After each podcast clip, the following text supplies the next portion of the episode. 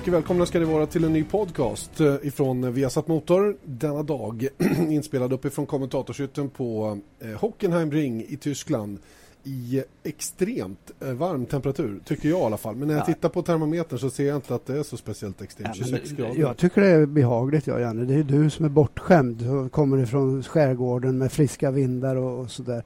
Jag vet inte varför du klagar på det här. Nej, det ska jag absolut inte göra. Jag tycker att jag tycker på något sätt att eh, det kan gå. Ja. Faktiskt. Ja, men det är bra tycker jag. Ja. Eh, välkommen Eje Eld tack, tack. Ja. Som också är med på denna podcast och givetvis när vi är på plats bägge två den här helgen. Eh, och det finns mycket att prata om den här gången. det har ju eh, hänt en del i i Formel 1-världen sen vi pratade senast. Dels i en podcast men kanske framförallt sen vi hade eh, tävling senast då i England på Silverstone. Eh, där var det ju annars eh, väldigt aktuellt med Caterham. Det är lika bra att börja i den ändan. Caterham som fick en ny eh, ledning, alltså teamet såldes ju till slutet av den tidigare ägaren Tony Fernandes till det här eh, schweizisk mm, Mellanöstern-konsortiet som eh, eh, frontas just nu av Colin Colles med eh, holländaren Christian Alberston som ny teamchef för teamet. Eh, det som har hänt sedan dess då är ju att eh, man dels har lovat i alla fall gett klartecken till ett uppdateringspaket till Belgiens Grand Prix. Men det kanske viktigaste som man har gjort är att man börjar rekonstruera teamet. Det är många som har fått byta, byta jobb. Ja, och eh, som du kommer ihåg, jag sa redan från första början att eh, ett ägarbyte kan inte vara något annat än, än positivt. Eh, därför att eh, det fanns inte resurser tidigare och det fanns framförallt inga resurser överhuvudtaget till uppdateringar. Så att eh, nu kom, på kort sikt kommer väl inte det här att innebära någon, någon större skillnad. Va? Men om de kan hålla vad de eh, utlovar just nu som är alltså uppdaterings, stort uppdateringspaket till SPA, ja då är ju syftet uppnått. Att det har kommit in lite, lite eh, resurser i form av budget eller pengar. Så att eh, än så länge finns det ingen anledning att se negativt på det utan snarare tvärtom positivt. Mm. Eh, sen är det ju en helt annan sak att få uppdateringar att fungera på en gång vilket jag tror att det kommer bli väldigt, väldigt svårt för Caterham att göra. Å andra sidan kan inte bilen bli jättemycket sämre. Men det är ju inte bara att hänga på lite nya vingar och tro att den är två sekunder snabbare. Nej, det är det ju inte. Va? Men samtidigt så har de ju tillgång till Toyotas eh, riktigt fina vindtunnel och eh, de har ju dessutom en hel del tid på sig. De, de eh, gick ut förra veckan och sa att eh, till Belgiens Grand Prix och det tycker jag är ganska rimligt. Eh, samtidigt så ska vi heller inte glömma bort att ett team som Caterham då har naturligtvis inte bara suttit still utan de har jobbat på uppdateringar. Men eh, när det inte finns pengar att ta fram dem, ja då, då, står de ju bara på hyllan och väntar på att bli tillverkade. Så att eh, jag tror att det finns en del uppdämt eh, hos Caterham som rimligtvis bör, eh, någonting bör säg så här Jan, det kan ju inte bli sämre. Nej, men jag menar fem sekunder eh, off pace. Så att jag menar, vad finns det för, för risker med att, att prova nya grejer? Ingenting. Nej, de har allt att vinna helt enkelt. Va? Och eh, det är ju som sagt ett, ett uppdateringspaket som, som kan bli aktuellt tidigast till Belgien. Sen, eh, jag får kanske rätta mig lite, jag, jag sa enbart positivt. Självklart så måste vi ju eh, kan inte bara se, se enkelriktat på det utan naturligtvis är det tragiskt för de som förlorar jobben nu hos eh, Caterham och det är ju ganska många som har gjort det. Och det är ju bara att hoppas att de hittar något nytt eh, så snart som möjligt. Eh, den som var eh, chef över Track Operations, eh, Gary Hughes hette han, eh, är en av dem som har fått lämna. Han hade ju en, en ganska hög position och var ju med i den, den, den förändring man gjorde på tekniksidan eller på, i teknikledningen då innan teamet såldes. Eh, nu har han fått flytta på sig. Teammanagern Graham Watson har också fått lämna sin position med flera. Ja, och eh, det är ju framförallt på managementplanet som eh, ändringen har skett och det är där Colin Collins säger att eh, man, man eh, det är där mm, han menar på att lönerna har varit för höga och det har inte varit produktivt och, och så vidare. Så att eh, nu stoppar han in lite nytt folk på de positionerna och det är bara att hoppas att det blir lite mer positiv anda, anda och att man jobbar framåt så att säga. Mm. En som kommer tillbaka ute vid depådisken igen och som inte har varit där på ett tag men som var där tidigare och som kommer från bland annat Toyota, Gianluca Pisanella. Han har väl jobbat med Björn Wirdheim också för mig i Prema en gång i tiden. Ja, eh, Alexander Storkenfeldt kanske också. Mm. Så att, eh, han har varit med ganska länge och flyttade från Toyota till, eh, till eh, Caterham Eh, i samma veva som Caterham bildades då med Mike Gascoigne och, och hela den där biten. Ja, han har ju varit med ett tag och eh, det, I praktiken så blev han ju utknuffad då av Jerry Hughes. Eh, så att han kom ju tillbaks eh, riktigt, riktigt laddad inför den här uppgiften. Så att eh, Ja, som jag ser det, det, jag menar, du kan inte hålla på och göra samma sak i all evighet och, och, och, tro att det ska bli några förändringar.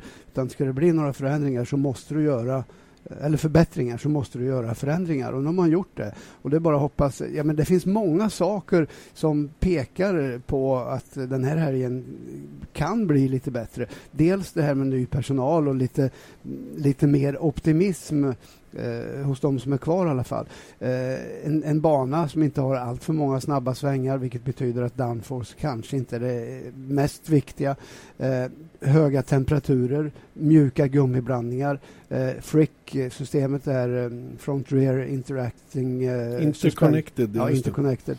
Eh, eh, är inte tillåtet och, och, och, så vidare. Va? Så det finns många saker som, som är nya den här helgen och framförallt ett team som Caterham då som har haft jättesvårt att, att uh, bygga upp temperatur i däcken. Ja, kan man inte göra det här, ja då kan man lika gärna åka hem. 30 grader varmt, eller ja 27 nu, ja. men det kommer att vara 30 grader. Ja, det kommer att vara mer än det ja. på söndag. Och, och supersoft uh, gummiblandning. Så att, uh, det är bara att hoppas att det, det funkar.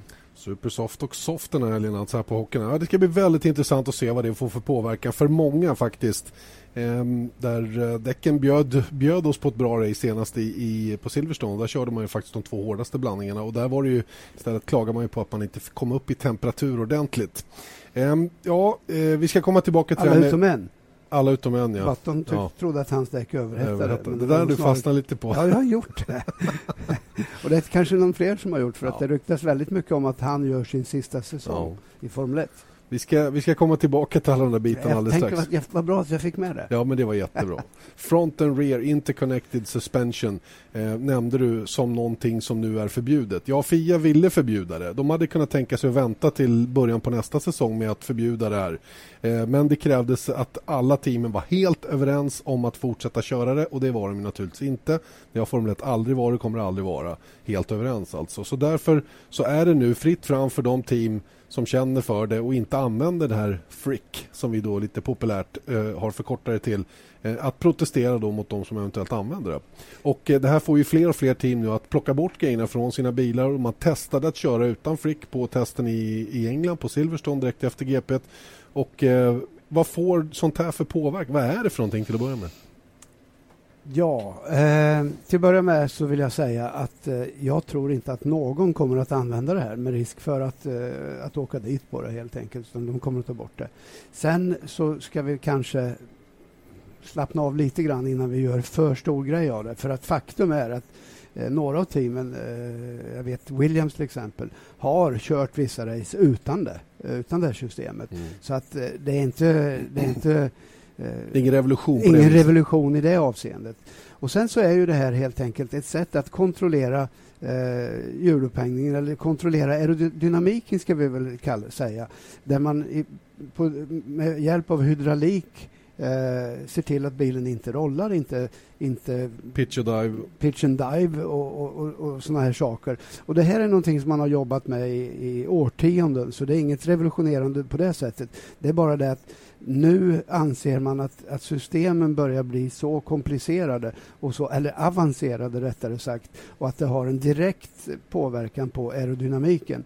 Eh, till exempel då att man kontrollerar höjden på, på, på nosen, eller på, på framvingen eh, i förhållande till backen och så vidare. Och det är det man vill åt. Man, man tycker att man börjar komma på en nivå så det är så nära aktiv suspension. Eh, och då kan man ju då dessutom plocka in i ekvationen. Men hur kan det då komma sig att man från Fias håll pratar om att kanske att man ska gå tillbaka till aktiv suspension? Så det är må många motsägande uppgifter och jag tror säkerligen att det, det finns väldigt många eh, många synpunkter på det nere hos den tekniska avdelningen hos de olika teamen. Men där har du i alla fall eh, funktionen med det här. Och eh, Vissa team har naturligtvis eh, mer avancerade system än andra. Vi pratade tidigare om Caterham som började med det förra året mm. och inte kommit speciellt långt. Eh, jag tror inte att de kommer att lida särskilt mycket av det. Eh, däremot Marussia vet jag har ett system som de har jobbat med i flera år och har förhoppningsvis då, för, från, om man ser med, med Caterhams ögon, kanske mer att förlora på det. Eh, Mercedes är det stall som har det mest utvecklade systemet och eh, har jobbat intensivt med att få, få det att funka. Och det kan mycket väl vara en av hem, hemligheterna till att man är så stark som man är. Nu tror jag inte att det kommer att påverka den inbördes ordningen så där jättemycket. Men jag är övertygad om att något stall, något stall kommer säkerligen att eh, eh, få lite problem. För det handlar ju helt enkelt om nu att kontrollera höjden på bilen. Eh, kanske man måste köra mer ride height, kanske man inte kan åka med li lika mycket rake som till exempel Red Bull alltid ha, har gjort. Eh, så att eh, det, det, det, ska bli mycket intressant att se hur det blir. Det kommer definitivt att bli mer jobb för teamen att eh, eh få till någorlunda optimala inställningar. För det har man haft lite säga, man har haft en liten genväg där förut för att eh, aerodynamiken har kompenserat för det som inte har, har varit hundraprocentigt. Så att, eh, jag nämnde Williams, även Force India har faktiskt kört något race utan eh, Frick. Så att eh, eh, ja, som sagt var, det, det, är inte jag tror inte att vi kommer att se någon stor skillnad. Va? Men, det första teamet som började använda i sin nuvarande form så att säga var ju Renault då, eller Lotus som började redan 2008 då med det här front and rear inter interconnected och det man vill åt är alltså en aerodynamisk fördel genom att kontrollera ride heighten i första hand så att man ja, får en, och roll. Ja, och att man får en så optimal position på golvet gentemot marken och därmed bra, bra aerodynamik ifrån det. En sak som är lite intressant är att eh, när, när du, du, nämnde förut att FIA hade sagt att om teamen kunde komma överens om att eh, inte protestera så skulle man, om man föredrog att göra den här ändringen i slutet av, av året, ja vad händer då? McLaren naturligtvis mm. går, ut, går ut direkt och säger nej, vi kommer att ta, plocka bort det. Och därmed, därmed nej, det, det, det, då tror de att här har vi definitivt en fördel, mm. eh, eventuellt en fördel mm. som gör att vi kan komma lite närmare de riktigt starka teamen just nu. Så ja. det är, som är, vanligt, är det inte ingen skillnad. Är inte fascinerande hur det kan vara. Eh, som sagt, eh, förbudet eh, finns där numera och det man lutar sig mot i reglementet då är den sån här artikel då som heter 3.15 tror jag som handlar om att ingenting rörligt på bilen som inte sitter fast förankrat i den fjädrade delen av bilen får påverka aerodynamiken. Det får helt enkelt inte ha något liv överhuvudtaget.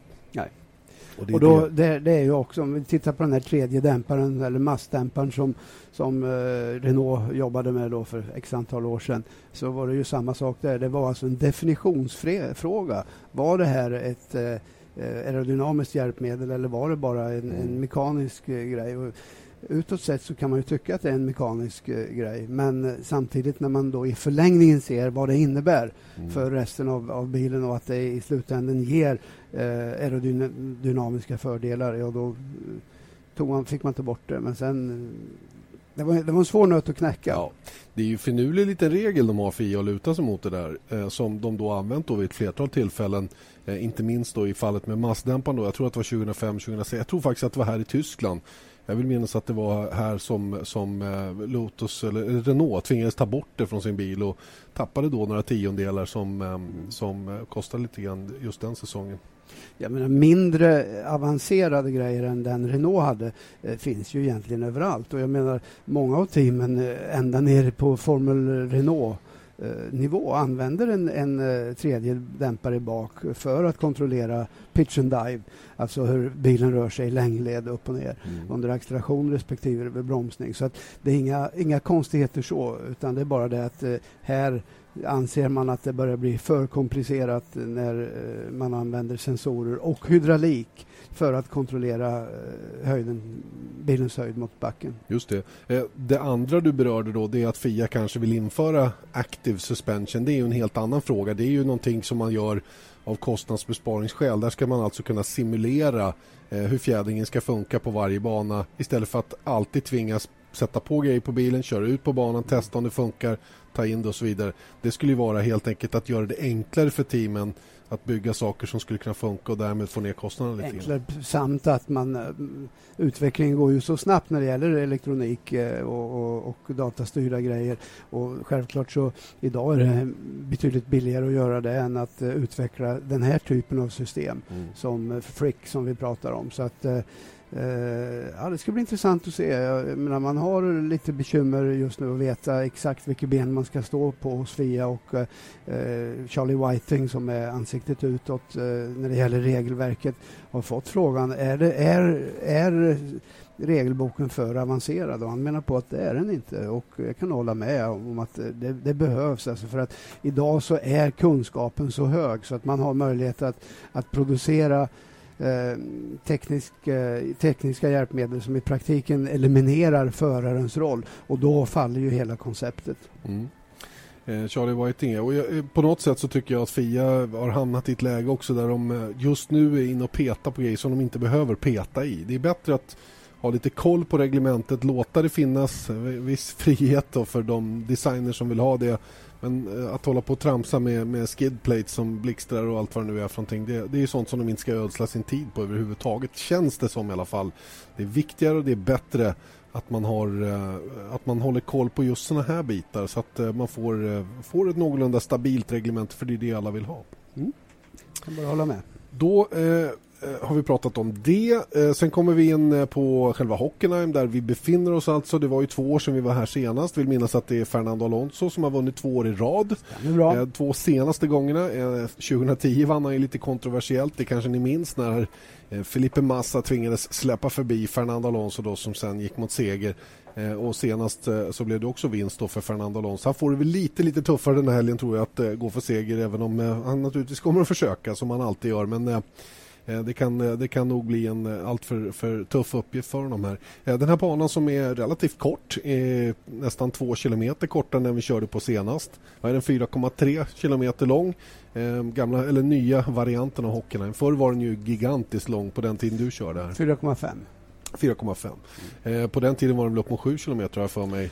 Ja, 6,7 eller något ja. liknande. Då bar det ju ut... Eh, nu har man ju brutit av första raksträckan efter eh, några hundra meter efter första sväng. Då skenade det bara iväg genom skogen och första gången jag var här fanns det inga chikaner heller. Det var ju ett, sånt, ett av de ställena där man i regel var fullständigt livrädd. Eh, för det var bara fullt överallt så att säga. Eh, idag är det en eh, betydligt modernare anläggning och framförallt tycker jag att det är viktigt att man har behållit hjärtat i Hockenheim som ändå är motodromen här med eh, fantastisk överblick och eh, eh från, från en pub publikt håll så tycker jag att det här är en um, Riktigt bra bana. Just det. Och eh, som sagt, när det ligger nu mitt i sommaren, det är, det är, inte så sällan det är väldigt, väldigt varmt också den här och när man kommer hit. Det kan vara det åskskurar och sånt där som kan finnas i området, men det är ofta väldigt varmt när man kommer hit och mitt i sommar, mitt i juli, precis som den här gången. Och det här kommer att bli tror jag ganska så problematiskt för många att eh, få kylningen att fungera. Vi minns senast det var så här varmt eller i trakten av den här temperaturen, det var ju faktiskt i Kanada och där hade till exempel Mercedes problem med att få ner temperaturen på sin, eh, på sin curse eh, Mm. sitt körsystem och det ställer till bekymmer. Det kommer nog bli likadant här. Det är inte de där långa rakerna som man kyler ner bilen på heller. Nej. Nej, det är alldeles, alldeles riktigt. Och äh, det är jag övertygad om att vi kommer att få liknande bekymmer här. Men nu är väl äh, teamen bättre förberedda på det än vad man var i Kanada egentligen.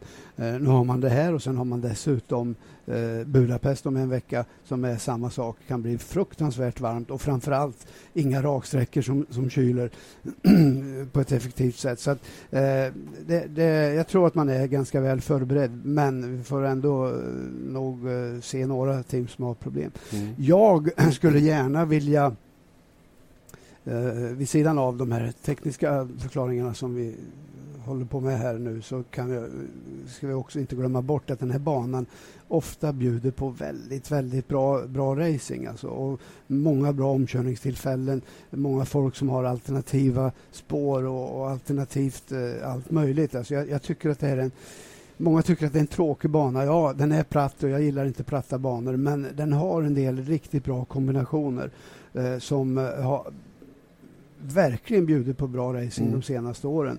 Och med tanke på årets reglemente mindre downforce. Vi har redan sett att det är en annan typ av körning. Bilarna ligger lite närmre varann. Vi har haft många bra fighter och så vidare. Så jag tror att det här kan bli en riktigt, riktigt god, eh, ett, en god helg med mycket bra racing.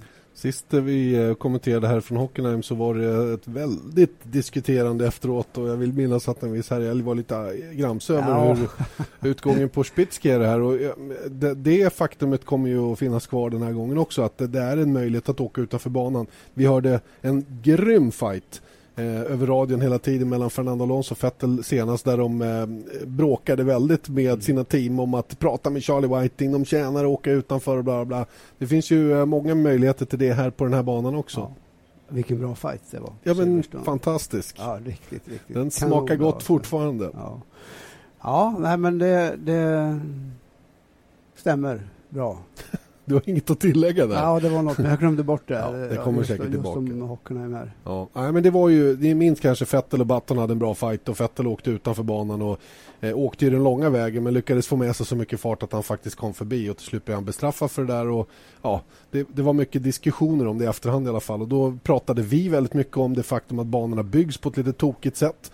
Eh, nu har man ju pratat om nolltolerans det är lite, lite märkligt där. Men nolltolerans sa man ju då på Silverstone att det skulle vara. Det var det definitivt inte. Det kunde vi se med egna ögon. Men i gengäld fick vi ju en kanonfin fight. Här var det någon som äntligen hade lite fingertoppskänsla ja. Eh, uppe hos domarna som faktiskt lät det vara. För att det, det störde inte. Det gav bara fantastiskt bra racing. och så många bra kommentarer som vi har fått efter det här. Och redan innan racet. Niki Lauda som ju ibland är väldigt högljudd gick ut och, och, sa officiellt att nej, nu är jag trött på det här. Jag, jag, vad är det som pågår egentligen? Ska allt ansvar ta ifrån förarna?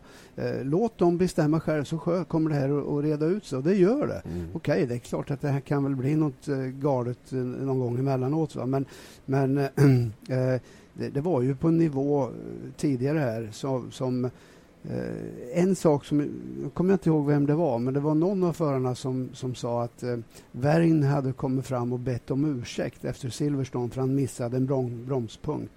Och så hade han, var det Ricciardo eller någon, jag vet inte riktigt vem det var. Eller, han hade i alla fall kommit fram och bett om ursäkt. Faktum är att det var tidigare så var det aldrig någon som kom och bad om ursäkt. För alla bara rättar sig efter, efter reglementet och, att, och tycker att de inte har gjort något fel. Mm. Och det, det, måste ges ett större ansvar till förarna för det är ändå de som de är de enda som kan, kan ändra på saker och ting. De, de enda som kan göra någonting åt det här. Och eh, ge dem mer ansvar så kommer det här att bli bra. Och racingen framför allt är bevarad. Mm. Och det är det jag är ute efter. Jag, jag vill inte att eh, allt ska styras bara med en regelbok. Nej, och sen, nej regelboken måste man ju ha naturligtvis. Ha någon form av prejudikat eller något att stödja sig emot. Men fingertoppskänslan har verkligen saknats tidigare. Sen, sen måste ju Fia lära sig att stå emot de här kommentarerna som kommer över radion. Det är ju, de är ju där av en enda anledning. Det är att påverka, ingenting annat. De har ju som du sa i sändningen senast, de har ju järn. Kan sitta och kolla i backspegeln om han åker två decimeter utanför vita strecket eller ja, inte. För att rapportera det in till sitt team som ska gå till Charlie. Ja. Jag menar, lägg av med sånt där trams. Mm. Det är ju liksom, men, men samtidigt om man bygger banor på det här viset där utrymmet ja. finns hela tiden, ja då kommer man alltid det, att ha de här diskussionerna. Det blir en kompromiss mellan säkerhet och, och, och det sportsliga. Och underhållning. Så, att, eh, så är det. Och man kan naturligtvis inte tumma på säkerheten. Och så där, där, men hur skulle du själv, du har ju kört, du har ju kört, du har haft grymma fighter ute på banan. Ja. Och så har du en kille som hela tiden ligger och tjuvar några meter och som gör att Nej, du men, inte kommer till. Skulle ja, du då, inte reagera på det? Då är det upp till mig, då får jag tjuva lika mycket. Ja om förutsättningarna finns. Mm. Men det är precis det jag menar. Bygg banorna så att du inte tjänar på att åka utanför. Mm. Det är väldigt, jag menar, ta typexemplet som, som, uh, som verkligen uh, stod ut. Uh, kurv, mellan kurva 8 och 9 i Österrike. Mm. Janne, nu säger jag inte att du ska bygga en mur där, naturligtvis. Ja, men, sand? Men sand eller någonting som eller gör att du verkligen, mm. verkligen inte laddar för hårt in varje varv. Mm. Ja, då, då, då, löser det sig av, av, per automatik. Det är modellen. Nu kom jag på vad det var jag skulle ja, säga. Bra, vi bra. pratade om tidigare vinnare. Och vi, jag skulle säga någonting som inte hör hit egentligen. Men det, det satt i mitt huvud. Och, och, och, det var att den här gången skulle vi kunna få en vinnare som är alldeles nygift. Ja, ja Rosberg ja. Han har gått och gift sig. Ja, just det. Han har signat på ett nytt kontrakt ja, också. Dels har han signat ett nytt kontrakt och så har han gift sig. Och jag gissar att han ska väl ha barn snart. Gjorde han det samma dag tror du? Signade kontraktet och gifte sig? Han tänkte jag förlänger båda kontrakten. Ja, det, det kanske stod i kontraktet med Mercedes. ja, du måste gifta dig. Nej, om du gifter dig så förlänger du automatiskt. Ja, nu är det seriöst. Ja, nej, men det funkar bra. Det är bra, bra diskussioner.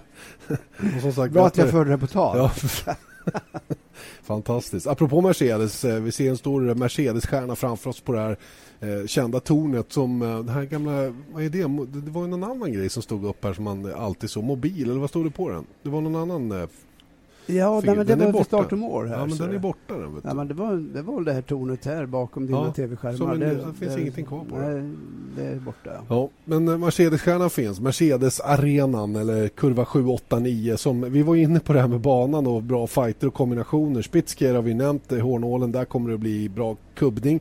Men 789 eh, där, den är också god för där kan man dyka på inne men man kan också ligga kvar på yttern om man orkar ligga kvar och komma runt. Ja, det är många bra ställen här. Alltså.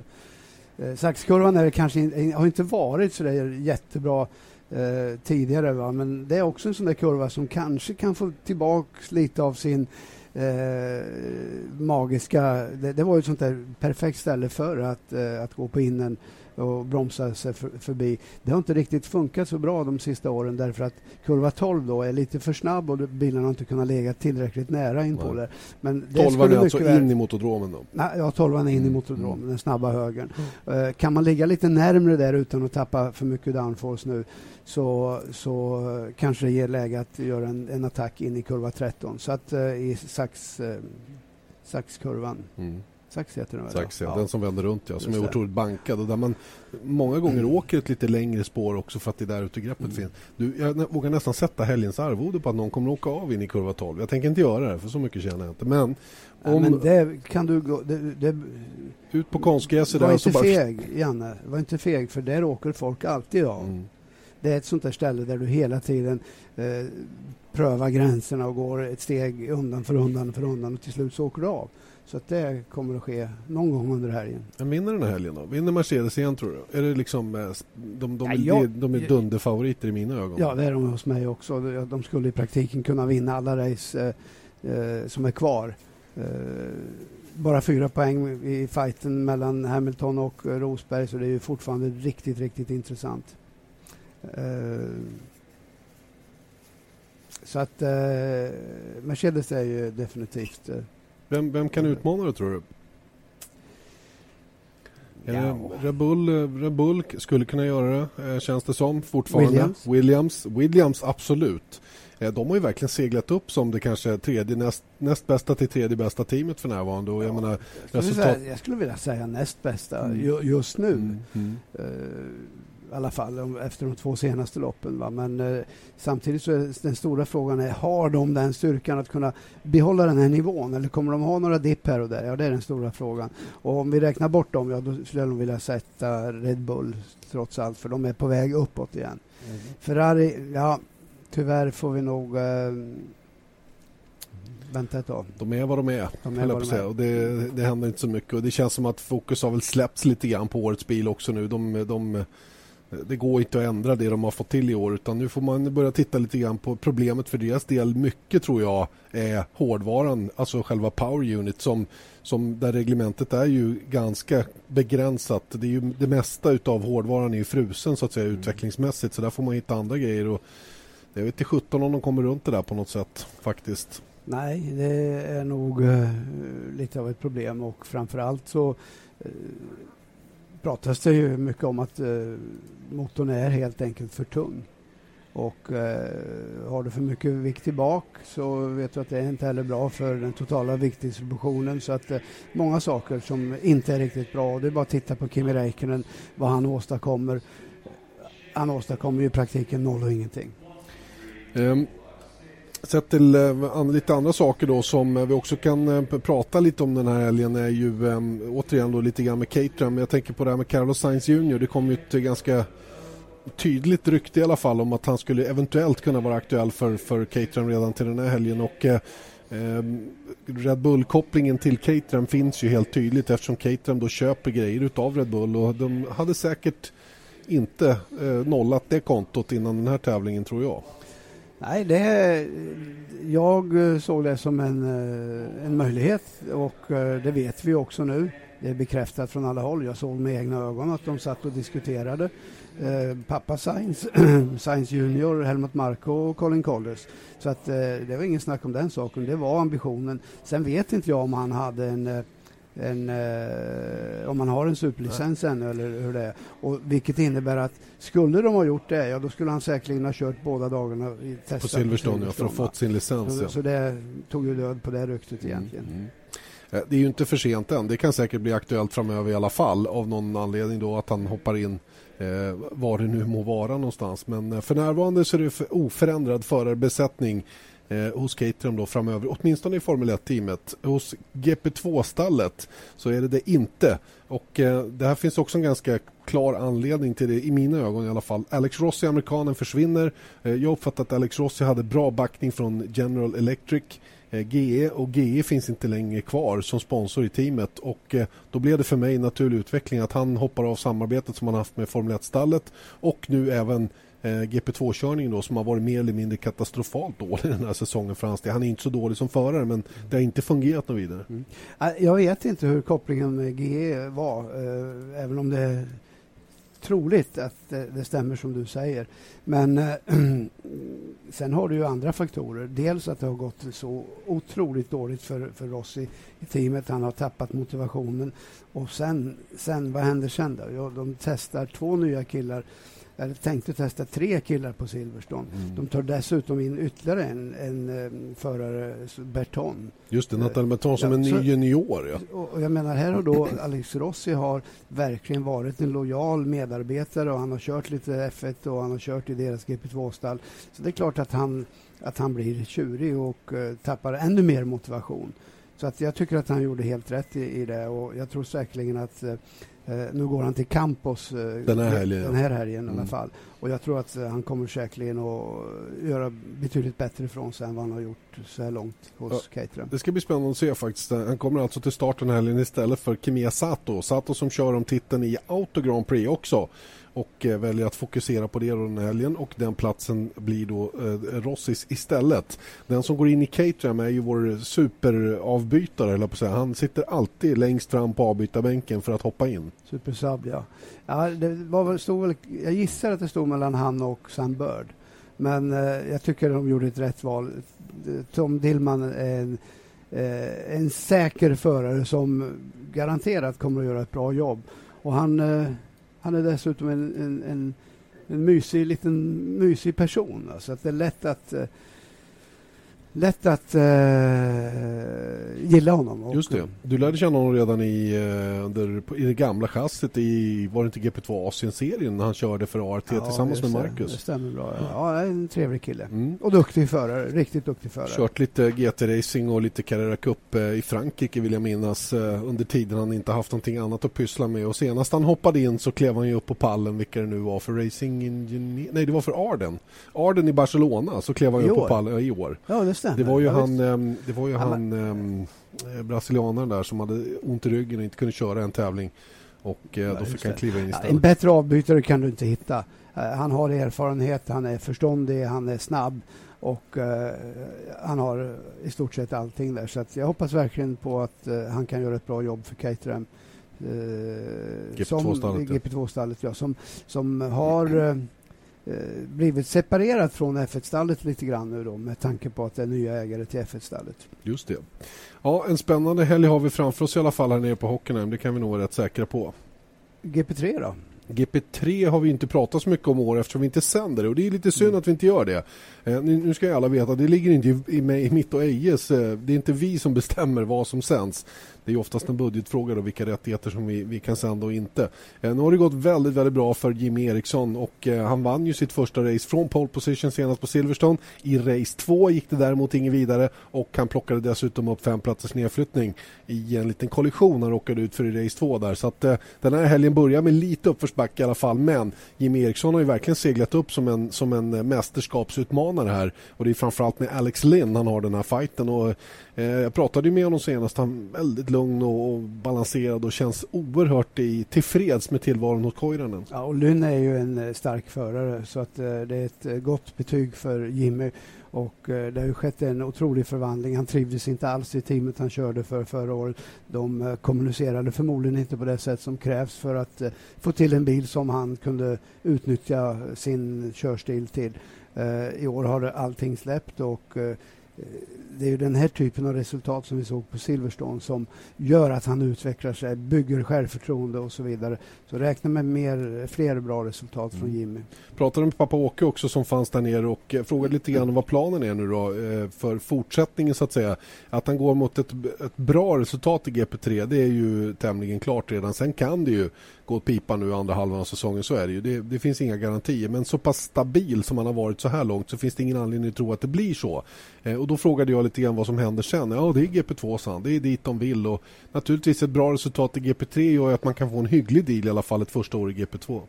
Det kan man definitivt få och eh, GP2 är ju ännu svårare än eh, GP3 naturligtvis och där tiden är förbi när vi såg Hamilton, Rosberg och vilka det nu var, Nico Hülkenberg mm. kom in och bara rensade, tog segern första, första året. Eh, så funkar det inte riktigt längre. Det funkade tidigare när man åkte med Bridgestone-däck. Eh, nu är det en däckformula lika avancerad som Formel 1 egentligen och det gör att det är väldigt, väldigt svårt. Eh, ibland kan du ha snabbaste bilen och, och, nästa gång så har du en bil som du har, får kämpa för att vara topp 18 med. Så det är riktigt jobbigt. Va? Men eh, trots allt så vill jag nog påstå att, eh, att eh, det, är, det är väldigt lärorikt och det är eh, ett viktigt steg att ta för Jimmy om han nu klarar det. Borde de titta på World Series? Det är ett annat alternativ och eh, eh, som har fungerat men eh, ofta har det varit då med eh, ofta har det faktiskt varit med hjälp av Red Bull som eh, lägger ganska stort fokus i sitt mm. juniorprogram. Även McLaren har gjort det. Även McLaren har gjort det. Så att, eh, Ja, det är klart att det är ett, ett, alternativ. Men krävs det att du har ett team i ryggen för att du ska köra där och gö göra resultat? Eller, eller kan du hoppa in där bara och hoppas att det Nej, håller ändå? Jag, jag tror att eh, det är oerhört viktigt att du har supporten från ett Formel 1-team för att eh, det... det eh, ja, jag, jag, tror det. Eller tror, jag menar... Jag försöker komma på vem som inte... Ja, Frins vann ju utan att ha supporten från något F1-team. Mm. Men han står ju och stampar. Just det. Just nu så har han det lite småtufft ja, och det är ju mm. väldigt osäker tillvaro för hans del ja. eh, med, ihop med Caterham då som han också är länkad tillsammans med. Nej men det är väl sant och eh, fjolårets vinnare sitter ju i Formel 1 idag och eh, fjolårets tvåa är väl som eh, kör i GP2 nu då Eh, Stoffel van Dorn. Mm, eh, Trean åker i eh, DTM, det är ju Antonio Felix da Costa och fyran som väl är Nico Müller åker också DTM. Mm. Jag tror att det var i den ordningen, eller 1, 2, 3, 5 eller någonting i den mm. stilen. Så att de har ju producerat duktiga förare Absolut. i World Series men. Men de, de, flesta som du nämner här har ju trots allt support från ett Formel 1-stall. Mm, alltså. Mm. Och att man väljer det är väl Ja, kanske att eh, GP2 har blivit lite för svårt eh, att göra bedömningar på. Va? Men det är fortfarande en otroligt bra skola, det är en, en sak som är säker. Eh, när det gäller eh, World Series så är det lite andra förhållanden som gäller och framför allt så beror det på att man har åkt på andra däck. Mm. Eh, som, som innebär att eh, det är lite mer traditionell racing och det är lite, kanske lite lättare att göra bedömningar där. Mm. Och Sainz är ju på väg mot Formel 1 ja, och kommer väl att vinna mästerskapet i år. Det ser onekligen ut på det viset även om det, han vann lite turigt i första racet i, eh, på Nürburgring eh, där det började regna mot slutet. I det andra racet så vart han lite övermodig tyckte i alla fall jag in i första sväng och puttades av och blev nollad. Men fortfarande ledning alltså för Carlos Sainz Jr i World Series. Eh, apropå däck, vad gillar du de nya 18-tummarna i? Du har ju sett dem på bild i alla fall. Ja, jag är lite gammalmodig av mig. Så att jag, jag, jag fick anstränga mig för att gilla dem. Eller jag, jag, trots ansträngning så gillar jag dem inte riktigt. Det, det, såg inte riktigt rätt ut tyckte jag. Men du brukar inte bry dig om sånt där? Nej, jag vet hur det, det. låter och hur Nej, det ser ut? Det, men jag, vad, jag in, vad jag inser är ju att, att det, är för den som inte tror att det är ett jätteprojekt att göra den förändringen. Det, det är ju alltså det är ju Gigantiskt. Gigantiskt. Ja. Ja. För, för att det är en fullständig, fullständig man behöver ju ändra ja, hela filosofin. Hela filosofin, mm. hela konceptet blir ju annorlunda. Mm. Och, och, så att eh, det kommer att ta tid va? och det behöver de veta lång, lång tid i förväg. Mm. Så att det, det är ingenting de kan göra på några månader utan eh, ett par år innan, innan en sån regel träder i kraft så måste teamen veta det. Ja, det känns som ett par år innan. Ja. Men att... annars i övrigt, som jag sa, jag hade bara lite svårt att vänja mig vid mm. en Formel 1-bil med, med de där eh, stora färgerna. Men självklart, det tar tio minuter som man vant sig vid det. Ja, ja. Det är som med allt annat. Jag brukar ligga lågt när det gäller STT. Jag har inga problem med det. Jag vill att bilen ska gå fort och att det ska vara bra racing. Sen, kan jag nöja mig med det mesta.